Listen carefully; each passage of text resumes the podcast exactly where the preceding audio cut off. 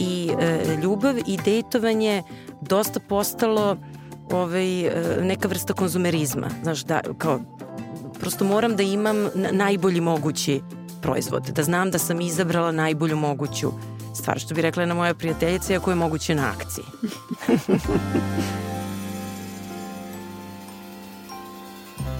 Tema ove specijalne epizode podcasta je nešto što bi se moglo nazvati savremena agonija romantičnih odnosa. Glavno pitanje o kojem ćemo govoriti je kako je postalo toliko komplikovano kad dođe do trenutka da bi trebalo definisati vezu i zašto neki to izbegavaju kao neprijatan razgovor.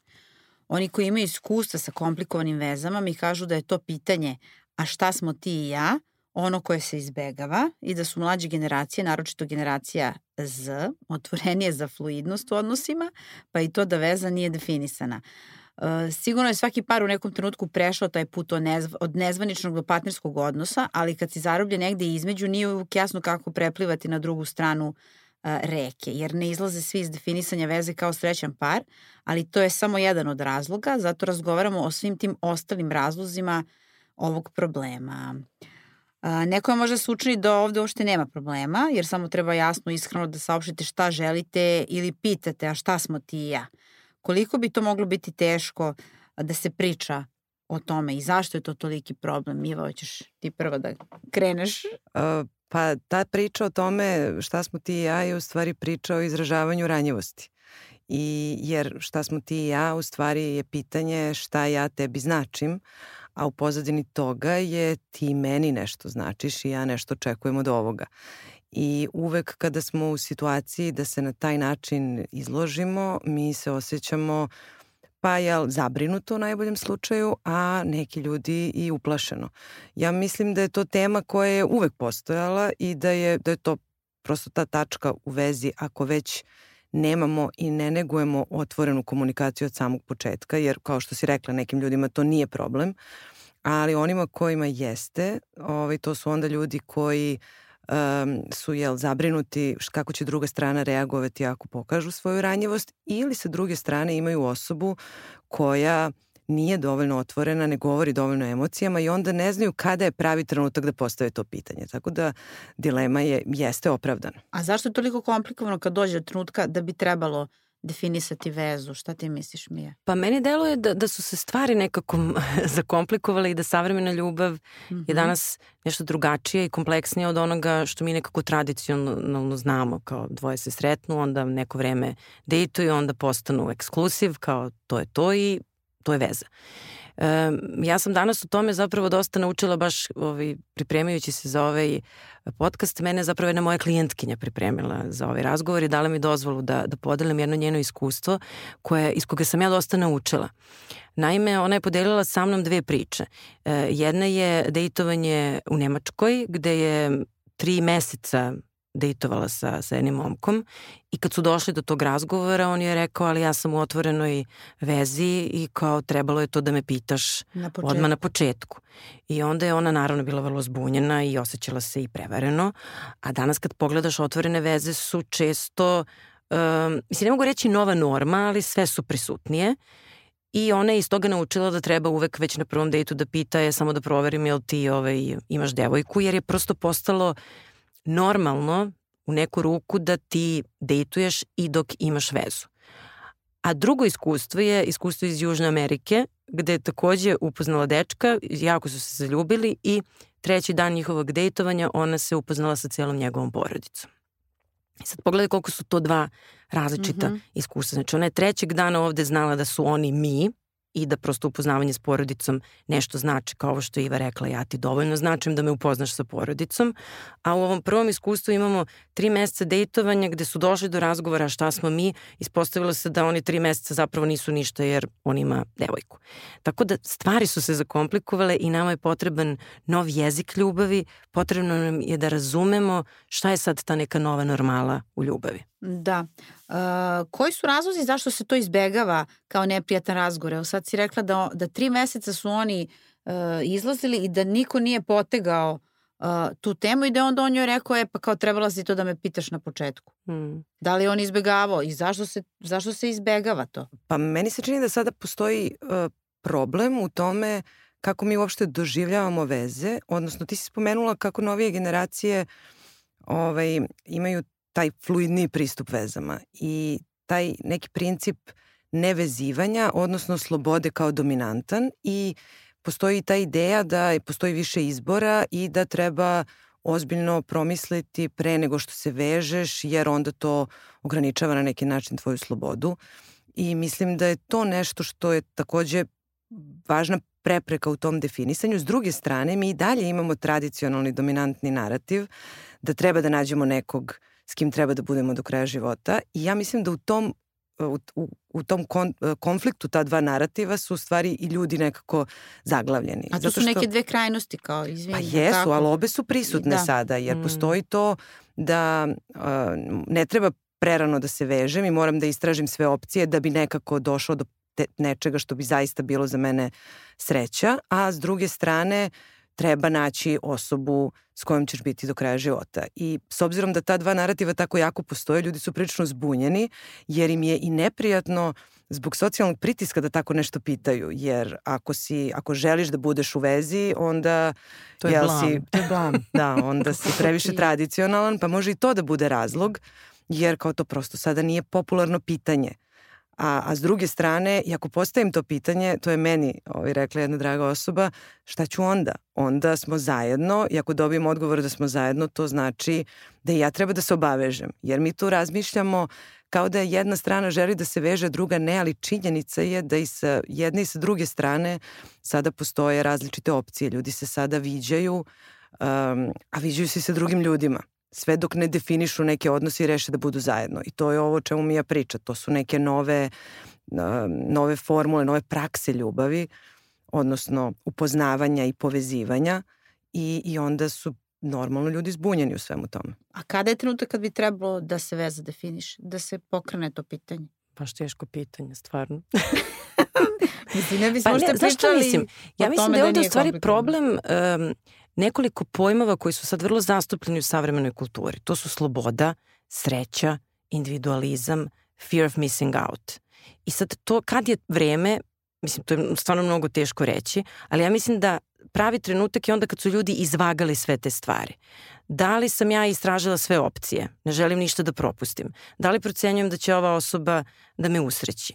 Um, da li mogu dovoljno da negde balansiram između svoje slobode i povezanosti? E, mislim da se sve to nekako ušunjalo u ljubav što su stvarno problematični pojmovi. Pričali smo o tome ovaj, u ovom našem prijethodnom podcastu. Ovaj naš, da li će stvarno neko da te usreći, da li će stvarno nešto da propustiš. Nekako je i e, ljubav i dejtovanje dosta postalo ovaj, e, neka vrsta konzumerizma. Znaš, da, kao, prosto moram da imam najbolji mogući proizvod, da znam da sam izabrala najbolju moguću stvar, što bi rekla na moja prijateljica, iako je moguće na akciji. pa pazite, ovaj problem je toliko ozbiljan da su se njime pozabavili istraživači i za svoju doktorsku tezu Sara Varga, istraživač komunikacija na Univerzitetu Baylor, intervjuisala je ljude u vezama o tome.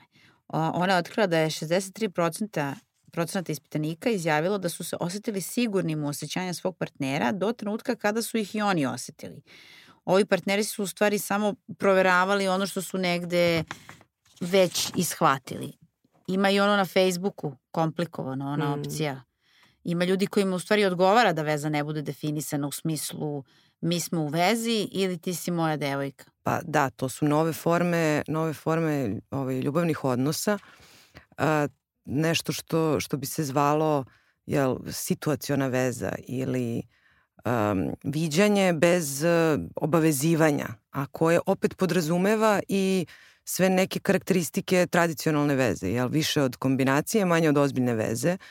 I, I nekim ljudima to zaista odgovara, zato što žele da ostanu slobodni, baš ovo što, što, je, što je Mija rekla, da mogu da, da biraju, da mogu da izvagaju nekako različite opcije i to se jeste promenilo. Mi kad smo učili porodičnu terapiju, uh, to je sad već bilo prilično davno, ali tu su kao postojala neka pravila, pa je onda bilo da se u brak je idealno stupiti, odnosno sad već u ozbiljnu vezu, možda je to odgovor na ovo tvoje prethodno pitanje, od e, šest meseci do godinu dana od upoznavanja. Jer je to otprilike taj period koliko ti je potrebno da upoznaš jednu osobu. E sad ja ne znam da li to može i dalje da važi, s obzirom na to da ti upoznaješ jednu osobu, ali da li si potpuno fokusiran na tu osobu ako i dalje istražuješ druge opcije. I zato se to nekako, čini mi se, produžava i mi onda imamo taj izazov da se zapitamo kada je to, kada je pravi trenutak da razgovaramo o tome. Kada je zaljubljenost u pitanju i kada su ove veze u pitanju, ja i dalje zaista verujem da bez obzira na to što ljudi ove, imaju toliko opcija i što se trude da, da otvore da, ne da otvore veze, nego da otvore sebi to više opcija, da i dalje je zaljubljivanje jedan prilično ekskluzivan proces. I onda kada proradi ta, ta hemija i, i hormoni kada se ugasi taj centar za kritičko mišljenje što se desi u prve tri meseca, ovaj, onda, onda se, su zaista posvećeni i onda, onda ti razgovori vrlo često tako i dođu otprilike to. Tri do šest meseci se nekako definiše da, da budemo jel, monogamni, da budemo zajedno, da pravimo planove i da tako nastavimo dalje. I šta se onda desi? Ponovo su upali centar za kritičko mišljenje. I onda se vratiš u situacione veze. e, ajde to da objasnimo ove, te situacione, situacione veze. Uh, o tome govori Ester Perel, mm, tako? Da. I da li možemo da objasnimo šta znači to kad si u situacionoj uh, vezi? To je karakteristika tih novih generacija koje su Da, meni je mnogo zanimljiv taj pojam. I ovaj, citirat ću ovde jednu moju prijateljicu koja je uh, bila u vezi koja je baš ovo što kaže Iva, uh, više od kombinacije, manje od ozbiljne veze i vrlo je zbunjujuće. I uh, viđala se sa, sa ovaj, momkom neko vrijeme zapravo dosta duže, ali nikako nije razumela šta je to. Jer oni ne prave planove, ne govore o budućnosti, uh, nema nikakvog sledećeg koraka, prosto viđaju se redovno, održavaju kontakt, imaju kontinuitet, postoji e, e, prisnost e, i strast, ali nema sledećeg koraka. I sve je bilo zbunjujuće do trenutka dok Ester nije izašla sa tom definicijom. Da je to situacijona veza. Tako je. I onda je bilo lakše. Što znači da nama stvarno treba novi jezik. Jer e, ljudi su često zapravo vrlo zadovoljni situacijnom vezom. Mm -hmm. Prosto ne žele taj sledeći korak, ali ne žele ni da idu okolo i da se viđaju sa pet različitih ljudi. Tako da je situacijna veza tu negde između, um, ali je prosto potrebno da je nekako nazovemo da bismo razumeli šta nam se dešava. Pa da, treba nam neka definicija. Znači, da. uvek nam treba da definišemo to, šta smo ti i ja, ok, mi smo situacijona veza. I ona može naravno i često i preraste u nešto ozbiljnije ili ostane na tome što jeste. Sad to je naravno pitanje šta oba partnera e, žele i da li imaju iste potrebe i, i prosto želje i interese. Uh, I zaista za neke ljude kojima je to ok, ona može da traje godinama i da bude potpuno jedan ok recipročan odnos bez nekih velikih planova i nekog zajedničkog građenja. A da li bi onda trebalo reći ako je otvorena veza ja, ili ako je nedefinisana veza ili situacijona veza, e kao mi smo u takvoj vezi. Uh, ne mora to uvek da se iskaže rečima, ali šta znači kada neko apsolutno odbija uh, razgovor na tu temu? Ako onda... druga strana samo želi da zna, ok, kao reci mi da smo mi u situacijnoj vezi, samo da znam ali sve u e, redu. E, a to, to, sad što si rekla je upravo ono što mene brine u vezi s cijele ove priče, a to je da e, priča o situacijnim vezama, o otvorenim vezama, o polijamoriji o kojoj možemo da pričamo u nekoj od podcasta, to je voleti više ljudi e, u isto vrijeme. E, to su sve forme ljubavi koje potencijalno mogu da budu ok, ali ono što mene brine je da, da one postaju jedna vrsta izgovora za izbjegavajuće ponašanje. I da, da čitav taj novi narativ je zapravo jedna onako kako da kažem, kulturološka podrška izbjegavajućem vezivanju. Jer ti čim daš ljudima dozvolu i definiciju, ti im kažeš izbjegavajuće ponašanje i nevezivanje je skroz ok i evo ti recimo imaš otvorenu vezu i situacijnu vezu da to tebi nastavi da bude ok. A plašim se da mnogi ljudi će u tome ostati frustrirani jer kao što Iva rekla, mi zapravo uglavnom želimo da se zaljubimo, da budemo ekskluziv, da budemo ono, kako da kažem, jedan na jedan. Da, da, to je vrlo zanimljivo što si sada rekla. Uh, a da li je to trend da te veze ne budu definisane? Uh, da li je to karakteristika mlađe generacije, da, da ako se vežeš toliko toga propuštaš, mnogo toga ti se nudi, mnogo više nego pre od društvenih mreža, gde si na klik od nekog poznanstva, preko Tindera i raznih drugih aplikacija za, za upoznavanje ili ne možemo da kažemo da je to samo ne, da je to samo karakteristika mlađe generacije? I šta ti kažeš, ti radiš s mladima? Pa ja bih rekla da je to, nije to samo karakteristika mlađih generacija, zato što mi sada imamo, s obzirom da imamo porast razvoda, mi imamo ljude u 40. 50. pa i kasnije koji ulaze u nove veze. Tako da to jeste nešto što karakteriše generalno nove odnose. I mislim da je čak možda situacijona veza može više da odgovara nekome, čak da bude odgovarajuća i ne, ne samo zbog izbegavajućeg obrazca, nego zbog načina života, jel, nekome ko zapravo nema potrebu za sledećim korakom, ako je u nekim godinama kad, ne znam, nije cilj brak ili, ne znam, pravljenje porodice, nego jednostavno lepo i kvalitetno vreme provedeno zajedno. Uh, meni je zanimljivo, ja kad pričam sa studentima, oni su isto zbunjeni, zato što uh, su svesni toga šta se dešava i nekako plivaju u tim vodama zato što su njima bliske u smislu da uh, su društvene mreže jedan od glavnih načina kako se ljudi sada upoznaju, onda su to aplikacije za upoznavanje, ali s druge strane, ovo što je opet Mija rekla, oni isto teže za tom ekskluzivnošću i žele da nađu neku osobu sa kojom će biti.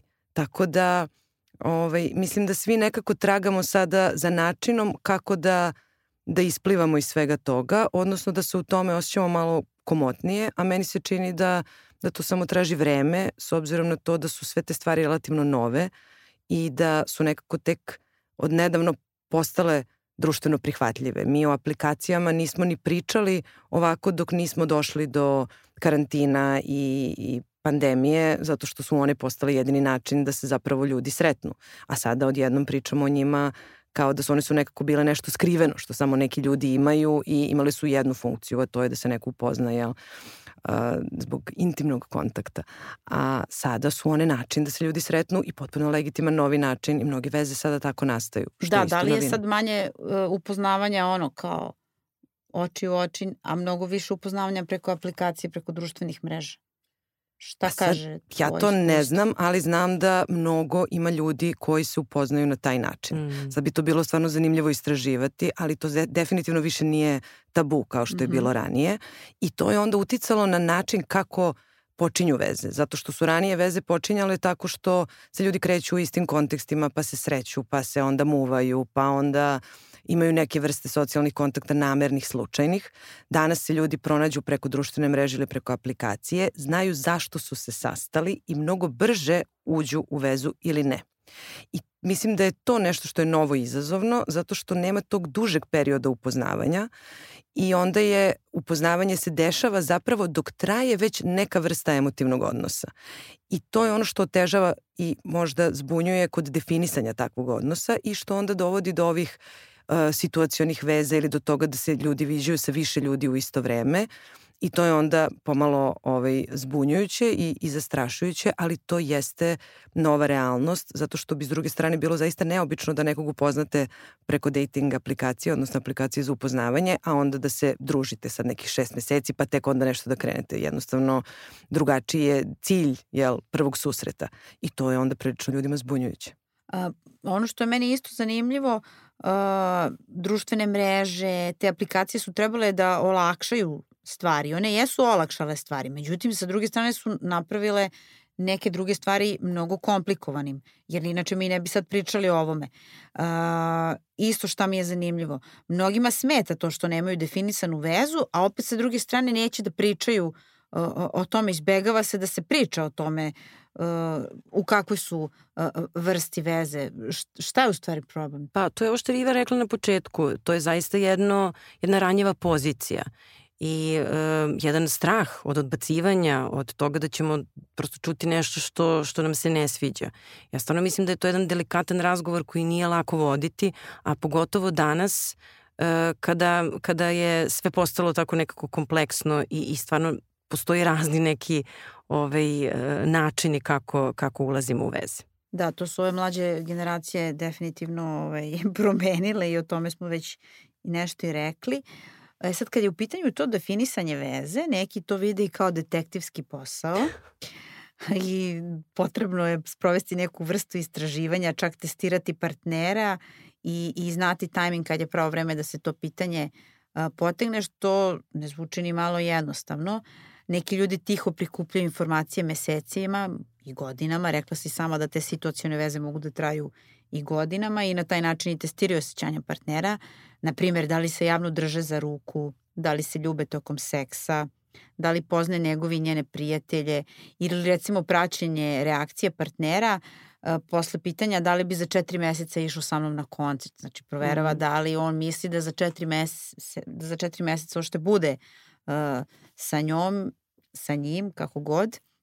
Da li je ovo glupo raditi? Da li to može da pomogne? Pa, ja mislim da to, to svi ljudi rade i samo je pitanje koliko su svesni toga da testiraju ili ne.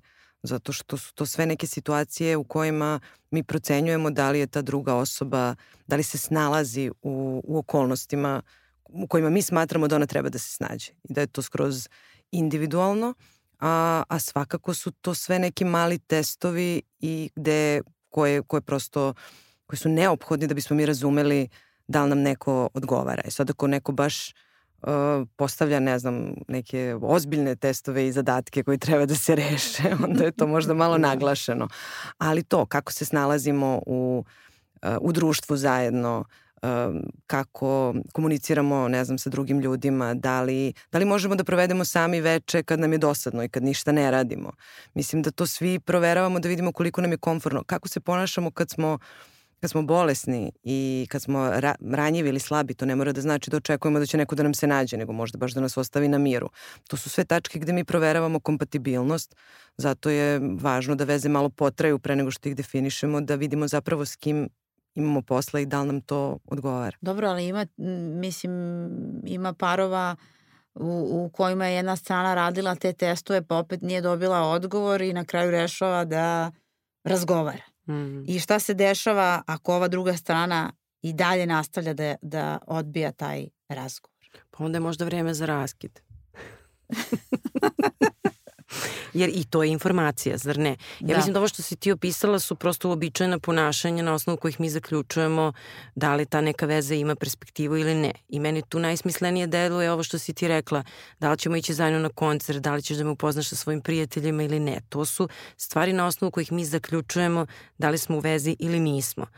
Uh, ono na osnovu čega zaključujemo da smo u situacione vezi je to gde nema velikih planova i sledećih koraka i tu nam može pomoći da prosto kucamo esterperel.com da nam objasni sve. Ali um, ako pokrenemo taj razgovor i više puta najđemo na zid, onda je to stvar jednog izbjegavajućeg obrazca vezivanja i onda treba da se zapitamo da li je to ono što mi želimo za sebe. A da li, ja imam, da li izvini, reci. Pa imam, ovaj, da, malu pravdu za izbjegavajući obrazac vezivanja. uh, zato što neki ljudi jednostavno, slažem se naravno mi ja svim ovim što si rekla, ali postoji neki ljudi koji zaista teško govore o emocijama i uh, teško daju tako ta obećanja koje su nekom drugom potrebna. I, a njihova ponašanja govore suprotno. I sad se ja pitam, ako neko vas je, ne znam, upoznao sa prijateljima, išao s vama na koncert, uh, tu je, kad ga pozovete, sve funkcioniše, da li je neophodno da izgovori neke reči?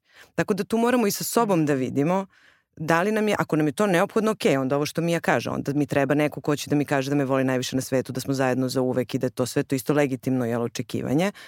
Ali ako je neko zaista tu i ako se ponaša na adekvatan način i mi se osjećamo dobro i sigurno pored te osobe, onda možda i ne moramo baš da očekujemo da nam da nešto što ne može da da, a možda iz ko zna kojih razloga reči baš njemu ili njoj nisu jače strane. Pa da, kad mhm. je sve okej, okay, nema potrebe ni da se priča o tome. Valjda. Pa to, ovde Tako? zapravo gledamo ponašanje. Uh mhm. -huh. Ako iz ponašanja mi zaključujemo da na tu osobu možemo da računamo, onda je to veza. Ali ako prosto vidimo da, da je to neko ponašanje koje nije dosledno i potencijalno izbegavajuće, verovatno ćemo pokrenuti razgovor i opet najići na zid. Moram da, da se vratim na nešto što si rekla malo pre. Da li je ovde najveći problem strah od vezivanja ili strah od propuštanja? To kad se izbegava definisanje veze, kad je situacijona veza, kad to pa, predugo traje? Znači, pod uslovom da nije ovo samo manjak uh, reči za mhm, emocije, mm -hmm. a sve je na nivou ponašanja i odnosa okej, okay, onda je definitivno to slučaj. I to je ono što mene zapravo, kao što sam rekla malo pre, najviše brine.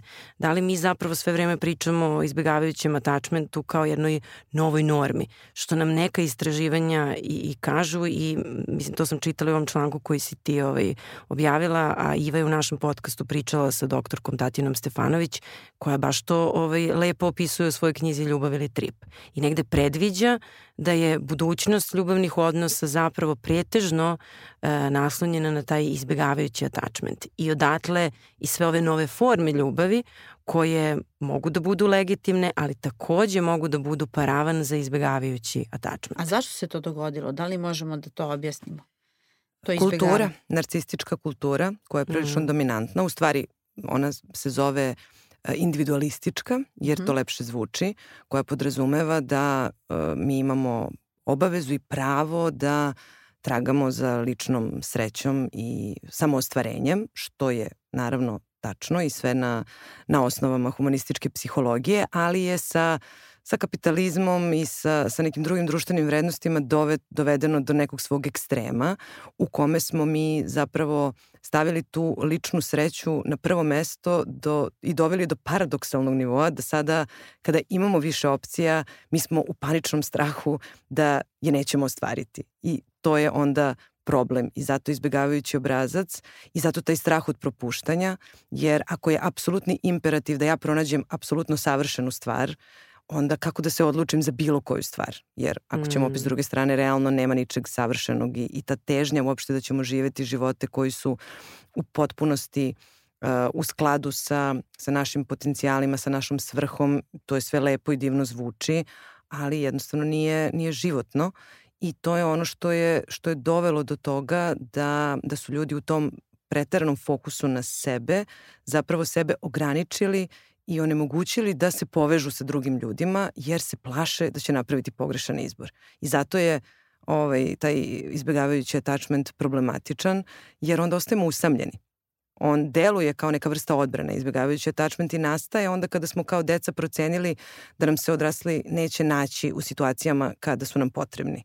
I onda gubimo veru u to da će nam se zapravo i kasnije u budućnosti ljudi naći onda kad nam trebaju i izbegavamo vezivanje. I onda se, a to se jako lepo uklopilo na tu ideju da si sam graditelj sobstvene sreće i da si sam odgovoran za to koliko ćeš se u životu samo ostvariti i to onda predstavlja ozbiljnu prepreku za uspostavljanje dubljih partnerskih odnosa jer su oni suštinski nesavršeni. A to se teško prihvata ako težimo savršenom životu. Mm. Da, ti si sad spomenula usamljenost, a mi smo u našem prvom podcastu šta je ključ uh, dobrog života, srećnog života, govorili uh, upravo o, o tome koliko usamljenost e, negativno utiče na kvalitet da. života i da ljudi koji su usamljeni da, da, da oni nisu zapravo uh, srećni i, i, i, da, i da imaju taj pad kvaliteta života. To mm. sad naravno sve ima veze sa, sa tim vezama, sa odnosima uh, koliko su povezani sa drugim ljudima, ne misli se samo na partnerske odnose, vezu, brak, da. nego i na, na prijatelje, na bliske članove porodice i tako dalje. Tako da ovo definitivno nije dobro ako, nije. ako će nam se to desiti u budućnosti. Znači nama će faliti taj peti element, mm. a to je, to je ljubav. Jest. Uh, jedan od komentara koji sam čula na ovu temu uh, je da kad osoba za koju ste zainteresovani nije zainteresovana za vas, treba ići dalje i da je to kraj priče. Ali ovde nije baš tako jednostavno jer opet postoji tu neki odnos. Kada, kada bi se možda trebalo malo više potruditi oko veze, a kada ipak stvarno krenuti dalje? Pa ja mislim da ovde postoji jednostavna formula, a to je reciprocitet. Da li u ovom odnosu uh, može da se napravi zaključak da ima nekog balansa u tome koliko dajemo i koliko dobijamo. I iako to zvuči previše kalkulantski, ja se sećam da sam na svojim doktorskim studijama uh, iz socijalne psihologije učila baš psihologiju ljubavi i tamo sam naišla na jednu teoriju koja se zove teorija razmene vrlo kalkulantski mi je delovala, ali danas kad pogledam prilično logično i jasno. A to je da mi i u ljubavnim odnosima nešto razmenjujemo. I onog trenutka kada dođemo do zaključka da smo negde ono u minusu i da smo se previše dali, a premalo dobili za uzvrat, tu prosto treba napraviti neku računicu i, i videti da li, da li je to dobro po nas. I kao što rekao, kad sam o tome uh, učila, previše mi je bilo kalkulantski, ali što više ovaj, kroz psihoterapiju učimo od svojih klijenata, deluje mi da je to zapravo kao i u svim drugim odnosima. Želimo da imamo reciprocitet. Šta ti misliš o ovome, Iva? Pa to je važno pitanje, to je meni pitanje za milion dolara. Ka, koliko se treba truditi i kad treba odustati. To je ovaj pitanje koje ja stalno sebi postavljam i kada radim sa, sa parovima koji su dugo zajedno, a i na početku je isto pitanje šta je dovoljno dobro da bi se u nečemu ostalo. Um, meni se čini da je dobra stvar sa ovim novim trendovima to što mi ne moramo preterano da se trudimo i mučimo i odustajemo pomalo od te ideje da ljubav mora da bude uh, patnja i mučenje i trud i bol. S druge strane, naravno, postoji rizik da ljubavi, odnosno vezama prilazimo na taj neki konzumentski način, kao da su to neki proizvodi koje samo konzumiramo. Ono što mislim da je važno u tome je da uh, verujemo svojoj intuiciji. Nama vrlo često ljudi na samom početku odnosa, ne naravno u prvih nekoliko susreta, ali u tih prvih nekoliko meseci kada se zapravo dešava ta ključna procena da li je neko za nas ili nije, manje više kažu ključne stvari. Kažu ili pokažu. Mm -hmm. I, a nekad u želji da ipak imamo nekog ili zato što nam taj neko deluje kao da je nekakav da bi nam odgovarao, mi onda imamo tendenciju da zatvorimo oči i pokušavamo nešto što, što je, čega jednostavno nema i trudimo se oko nečega čega nema. Mislim da dobra stvar ove priče i ta, to što postoji toliko opcija, što možemo da budemo malo relaksiraniji i da jednostavno verujemo sebi onda kada vidimo da, da se neko ne ponaša na način na koji nam odgovara, da neko neće da nam kaže stvari koje, koje želimo da čujemo i da onda vidimo da onda izađemo iz toga i da tražimo nešto drugo. Jer ako se u tom prvom periodu, ne, ako tada nije sve kliknulo i ako tada ne funkcioniše lepo, je upravo zbog ovog u čemu smo pričali kako zaljubljenost funkcioniše, ako tu moramo da se trudimo, kako će onda izgledati kada, kada prođe ta oluja hormona i kada prođe zaljubljenost. Onda sve te stvari koje smo, kojih smo se sada trudili ili smo gurali pod tepih ili smo rešili da njih zažmurimo, one će se tek pojaviti kao problemi. Tako da, bar u tom prvom periodu možemo da budemo onako fokusirani najviše na sebe i da kažemo da vidimo da li nam to prija ili nam ne prija, da tražimo koliko god možemo otvoreno da prevaziđemo ove strahove o kojima smo ovde pričali i da vidimo da li ta druga osoba može da nam ponudi to što nam treba i da onda ovaj, ostanemo tu ili idemo dalje. Da, ima tu još ono što smo skoro ti ja pričale i pročitale negde. Da li se oslanjaš na to kako se osjećaš sad u ovoj vezi ili se oslanjaš na, to, na potencijal a, koji vidiš u toj vezi? Jer potencijal koji vidiš u toj vezi je najčešće ono što se zapravo ne razvije nego je jedna vrsta racionalizacije. Možda mi nije sad sve potaman, ali vidim potencijal i sigurno će biti bolje. I to je to gde se mi oglušimo u sobstvenu intuiciju i u praćenju sobstvenih potreba. I ja to baš često viđem kao, kao problem. Verujemo više u sliku o odnosu nego što pratimo kakav je odnos stvarno. A šta vidite u praksi kada su u pitanju te situacione veze? Mm -hmm. Koliko je to često? Šta vam govore klijenti? Šta im tu smeta? Pa ja, to je ovo što je Iva rekla da za, za neku, ovaj, ajde da tako kažem, našu generaciju, 40. 50. znači ljudi koji su izašli iz braka, recimo situacijnu vezu vide kao jedan divan relaksirajući mod. Uh, ono što tu potencijalno može da postane problem je kada jedna osoba poželi nešto više. Mm -hmm. Kada poželi da planira, kada želi neku budućnost, želi neku strukturu ili sigurnost, toga prosto nema u situacijnoj vezi. Tako da one traju kao i mislim sve veze do onog trenutka dok mi vidimo da imamo iste ciljeve i interese. Da, da li, ali da li je danas tih veza mnogo više nego pre? Zbog tih novih načina upoznavanja, same ste rekle postoje uh, drugačije vrste veza i za, za sve te pojave nam trebaju neke nove definicije. Mm. Ja ne znam da li ih je više ili smo ih mi sada primetili. Mm -hmm. Da. A moguće da ih je više zbog jel, više tih mogućnosti za, za upoznavanje, to definitivno. I, I to je nešto što je, da, nova realnost, ali nije da ranije nisu postojale takve veze. Pa uvek su postojale te priče da, da si u vezi sa nekima, ne znaš kako se osjeća ili uh, ili neće da planira ili eto hoće da se viđa povremeno, samo što smo tad funkcionisali po tom principu. Uglavnom smo pričali o kombinacijama mm -hmm. i to mhm. smo prepoznavali šta je, to je veza u kojoj se ljudi sastaju povremeno, periodično zbog seksa.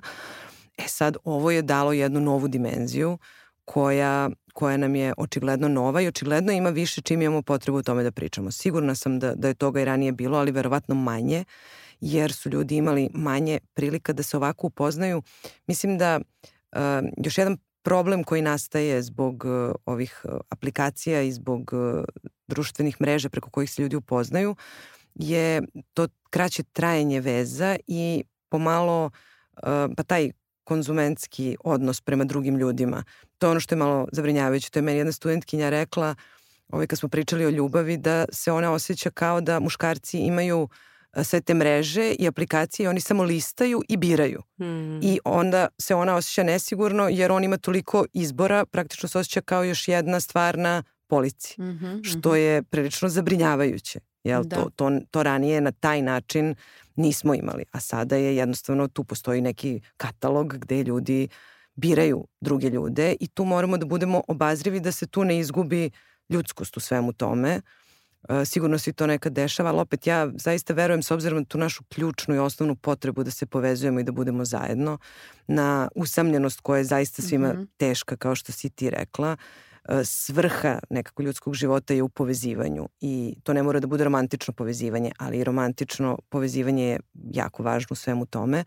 Tako da mislim da su stvarno sve ove nove stvari o kojima pričamo onako neke dečje bolesti koje, koje mi sada prolazimo, a da ćemo sa vremenom jednostavno da, da se naviknemo i da možemo onda i da uživamo u tome što su se sada zapravo opcije otvorile i što ima i više mogućnosti izbora i više nekih varijanti gde različiti ljudi sa različitim potrebama mogu da da nađu nešto što njima odgovara. Pa će nekam, nekom odgovarati situacijona veza, nekom će odgovarati um, ozbiljna veza, nekom će odgovarati polijamorija koju je mi uspomenula, pa ne znam, tu postoji fleksi brak koji je brak u, u odvojenim domaćinstvima.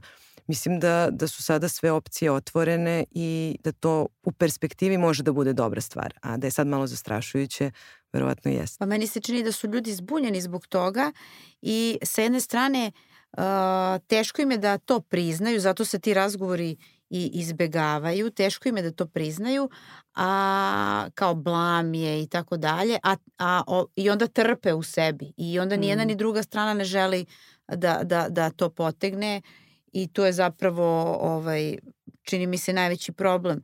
A kada su u pitanju ti, ti novi termini, poliamorija i fleksi brak, kada su nastali ti termini? Koliko su oni u stvari novi, a koliko smo u stvari mi definisali samo tek sad ili pre ne znam koliko godina, nešto što je postojalo možda od uvek, ali nije bilo toliko Pa sigurno prisutno. je postojalo od uvek. Sigurno su postojale bračne zajednice u kojima su supružnici živeli na različitim adresama i smatrali da im je to baš zgodno. Um, da su postojali odnosi u kojima smo imali, ne znam, muža i ženu i svako uh, momka i devojku i to smo imali, samo što su to ranije bile afere, a sad postoji dozvola mm -hmm. za tako nešto gde oni mogu da pregovaraju i dogovaraju se da li uh, su prosto otvoreni za, za takvu vrstu ovaj, partnerstva. Mislim, to je dosta komplikovano, ja nominujem da jedna tema podcasta bude samo to, ali, ali zato što to ljude dosta ovaj, intrigira, ali uh, mislim, kako god je meni evo lično teško da zamislim da to može da bude jedna funkcionalna zajednica, ja stvarno želim, želim da verujem da su ljudi različiti i da nekome to iz raznih razloga o kojima možemo da, da razgovaramo, prosto baš odgovara, unosi neku novinu u odnos, dokle god je dogovoreno, transparentno, sa jasnim granicama, to prosto nekim ljudima sigurno može da, da čak možda i obogati ovaj bračni, bračni odnos. Meni je sad palo na pamet dok pričaš u stvari šta je problem sa tim definisanjem ovaj odnosa, baš zato što time što smo uveli sve ove nove termine, mi smo nekako ogolili celu priču mm -hmm. i skinuli smo taj veo uh, romantike, mističnosti i, i misterije i u, ukinuli smo nekako taj uh, jedinstveni put koji podrazumeva da smo se mi upoznali pa smo se zaljubili pa onda onaj moment ne znam prstena pa mm -hmm. prosto imali smo neki dominantan način kako su stvari nastajale i onda su živeli srećno do kraja života. Mm. Uh, I nekako si čeznemo i dalje za tim, a pojavile su se sve ove druge opcije koje, da se razumemo, su se pojavile zato što svi mi u njima učestvujemo. Mm -hmm. Znači to nisu neki drugi ljudi smislili. To se sada dešava paralelno sa ovom idejom koja je postojala ranije i to nam se ne dopada jer ne znamo kako o tome da pričamo i to nam narušava tu mm. ideju o, o savršenoj romantičnoj ljubavi iz bajke o kojoj ipak svi nekako ovaj, podsvesno očigledno sanjarimo. I to, to je ono što će nekako morati da se uskladi. A da se razumemo, te stvari nisu nekompatibilne.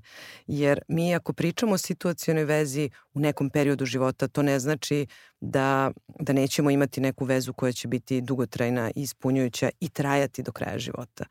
I jednostavno, prosto su ovo različite opcije koje nam mogu odgovarati u različitim fazama života.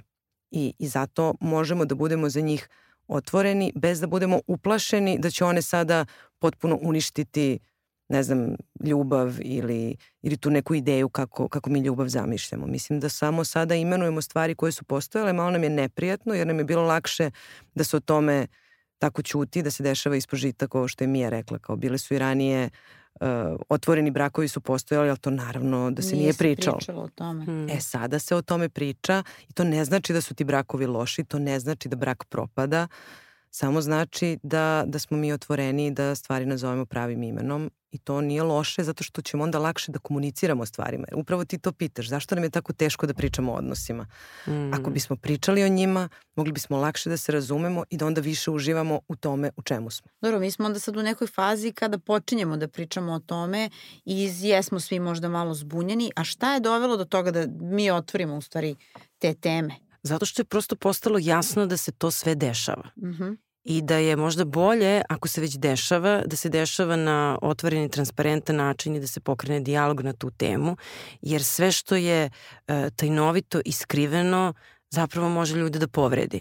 Tako da, ja mislim ono što se dešava sad jeste da mi imamo više različitih ljubavnih narativa i da je na nama da, da izaberemo i da vidimo šta nam odgovara. Ranije si imao samo jedan priznat i ukoliko bi skliznuo u bilo koji drugi, ti si nužno morao da se osjećaš krivo i povređeno. Tako da otvoren dijalog o tome nam može zapravo dati dozvolu, a onda ako imamo dozvolu, onda se nećemo osjećati krivim i birat ćemo nasprem onoga što nama odgovara. Dakle, krojimo odnose prema svojoj meri, a ne prema onome što nam je nekako kulturološki nametnuto kao jedini ispravan način. Ali ovo što je rekla Iva, mi smo to često dobili kao pitanje jednom, na, na jednom našem ovaj, e, programu kad smo baš pričali na ovu temu, mladi su nas pitali pa dobro, ali da li sad to znači da više nema monogamije i nema ja upoznam dečka i mi ostajemo za uvek zajedno. Ne, naravno da ima. To je sad dozvoljeno, kao što je uvek bilo dozvoljeno, ali je dozvoljeno i što šta drugo za one koji možda žele nešto drugačije. A da li se menjaju e, ili da li se pojavljuju nove e, teorije o monogamiji? Šta kažu neka poslednja istraživanja i saznanja o monogamiji? Da li smo mm. mi monogamna bića ili Tu autori različito gledaju. Ja moram da priznam da ja nisam, ovaj, da sam ja pristalica tradicionalnog uverenja i da se držim um, ovaj, Helen Keller kada, koja kaže da je monogamija nama ipak, uprkos, ona je antropološkinja koja uh -huh. je mhm. istraživala jel, različite oblike funkcionisanja i kaže da mi težimo monogamiji, da nam nije prirodna. To je, to je, to je vrlo nezgodno zato što ne može da se mhm. utvrdi mm. gen za monogamiju ili nešto biološki, mm -hmm. ali da ju težimo. Jednostavno e, i zbog načina kako funkcionišemo i kako odgajamo mladunce i sve ostalo, a meni to ima prilično smisla zbog tog e, snažnog uh, osjećanja koje, i snažnih osjećanja koje mi imamo kada je zaljubljenost u pitanju i da ta osjećanja prosto traže ekskluzivnost, zato što su vrlo intenzivna, zato što podrazumevaju ozbiljan fokus.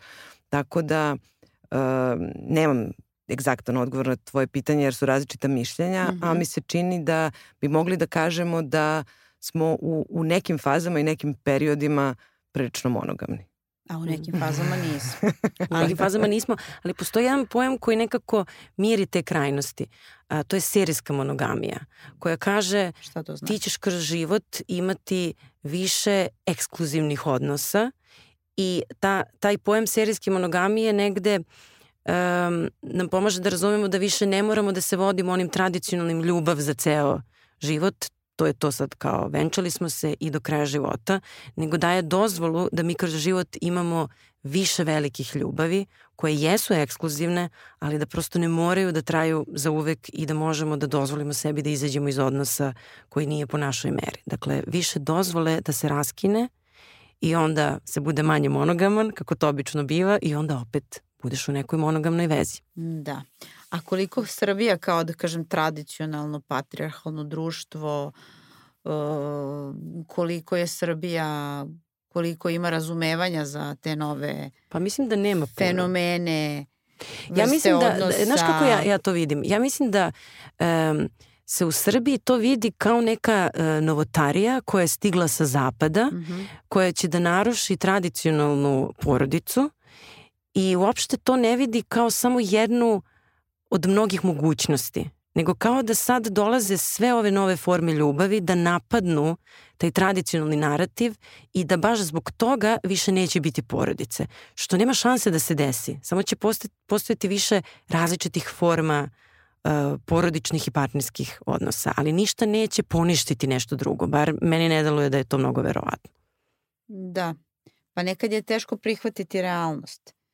A isto mi smo tu skloni jednom licemeriju, da kao to dolazi sa zapada i da urušava našu porodicu, a sa druge strane uh, prikrivamo pa da. ono što se, neke, ne, ne, neke pojave koje se dešavaju i iza, iza ovaj, da. ta četiri zida Pa to je ono čemu Ester Perel stvarno divno govori. Ona kaže ono što najviše uh, boli i što je izdaja, to je prikrivanje, to su tajne, to su dvostruki uh, životi I ove teme su prosto to sve ogolile i sad ajde da vidimo šta ćemo s tim. Da, kako se u većini slučajeva završavaju situacione veze?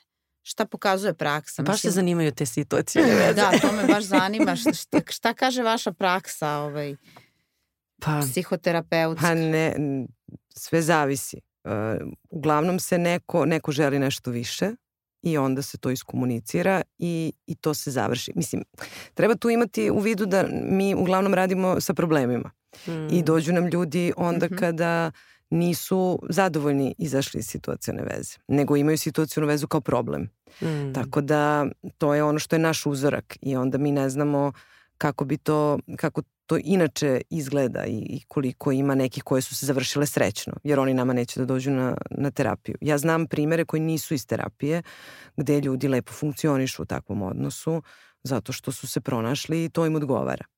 A, a vrlo često to može da bude problem ako druga strana ne želi istu stvar. I to je izazov sa ovim novim formama, zato što postoji više opcija i zato je možda važno da pričamo na početku, da bismo prosto znali na čemu smo da li je neko, ono što je Mija pričala, da li je neko već u otvorenoj vezi ili hoće situacijonu vezu ili hoće kombinaciju ili je spreman za ozbiljnu vezu. Daš mu papir na prvom dejtu pa da štiklira. Pa kaže za okruži. Pa da, ali ovaj, nekad ljudi ne znaju. Mislim, okay. A uglavnom ljudi ne znaju i to je da. isto nezahvalno na početku da, da uh, tako definisati, ali ipak može to nekako da se da se iskomunicira. Mislim, teško je naravno na, na prvom dejtu reći ja želim ljubav za ceo život toj osobi preko puta zato što, jel, možda ne baš sa tom osobom.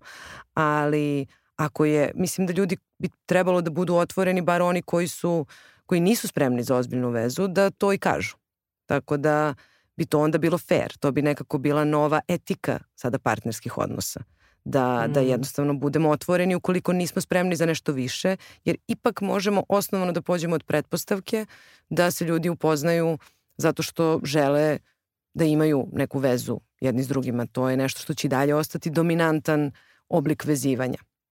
E, onda bi verovatno bilo fair i to bi mogo da bude neki novi bonton dejtovanja, da onaj ko, ko zapravo želi samo seks ili želi e, situacijnu vezu, ili je u otvorenoj vezi da to odmah na početku kaže i da to onda bude neki početak pa da se onda vidi kako dalje s tim. Pa da i to opredeljenje ima na dating aplikacijama. Naravno. Samo što ljudi tu najčešće kažu da se oprede, da ne znaju šta hoće. Mm. Jer većina ljudi u principu ne zna šta hoće. Pa eto. Pa i to je fair, pa da. Pa da.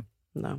Da, spomenula si taj novi bonton, eto to mi je isto zanimljivo ovaj, pošto imamo eto te neke nove forme, uh, možda bi mogli da spomenemo, ako znate, ovaj, koja su to nova pravila tog novog bontona Pa evo, meni je to ovo sad prvo palo na pamet kao jedna, stavka koja bi tu trebalo da postoji, da komunikacija bude otvorenija na početku. Šta ti hoćeš? Šta, da. Šta ti, ili šta nećeš, možda je to dobro. ja sam Ana, šta ti Reci odmah šta nećeš. Da, ili šta nećeš, tako je. Pa da. da. To, da. to bi svakako trebalo da bude prva stvar, da, da ne bismo dolazili u ovu zabunu i da ne bi ljudi bili nesrećni zato što naiđu na nekog ko zapravo nije otvoren za vezu, a, a ima pravo na to. Mm. Da. Dobro, ovo je baš komplikovana tema, či, čini mi se. Jeste, ja mislim da ćemo mi od ovoga sad ovaj, da, da nominujemo još par tema pa da ih proradimo možda malo dublje. Pa da, to sigurno. Dobro, hvala vam puno. Ako vam se svidela ova epizoda, možete redovno da slušate podcast Kako da izgradite dobar život na svim platformama Spotify, Deezer, Podcast RS, Apple Podcast ili na sajtu velikepriče.com.